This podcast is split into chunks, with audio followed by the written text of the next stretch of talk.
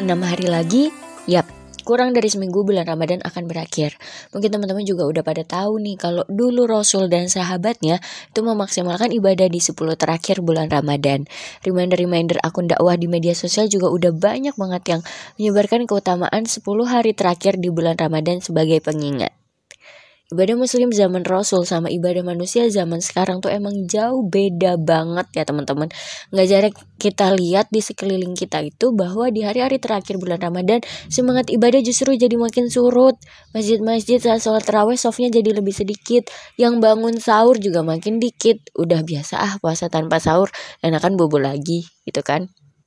Padahal nih kalau logikanya ya di mall-mall tuh kalau lagi ada promo apalagi mendekati lebaran dan mbak-mbaknya bilang ayo ibu-ibu dibeli bajunya bajunya promo berakhir tiga hari lagi jangan sampai terlewat. Beh yang ya masya Allah rela deh pokoknya ngedusel ngedusel demi baju promo rela antri panjang demi barang promo yang kita mau.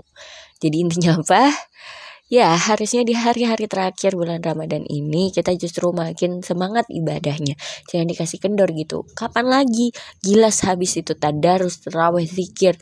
Pokoknya kalau perlu sampai nangis-nangis mohonan memohon ampun dan bantuan dari Allah. Belum tentu kita akan bertemu lagi Ramadan dengan Ramadan tahun depan.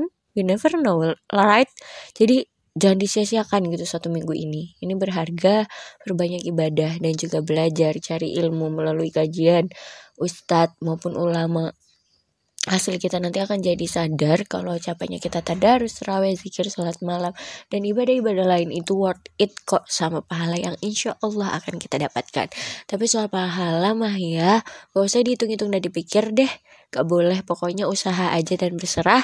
Keep happy-happy kiowo dalam ketaatan. Semoga Allah mempermudah kita semua untuk beramal baik hingga bulan Ramadan berakhir. Allahumma amin. Wallahu a'lamu bishawab.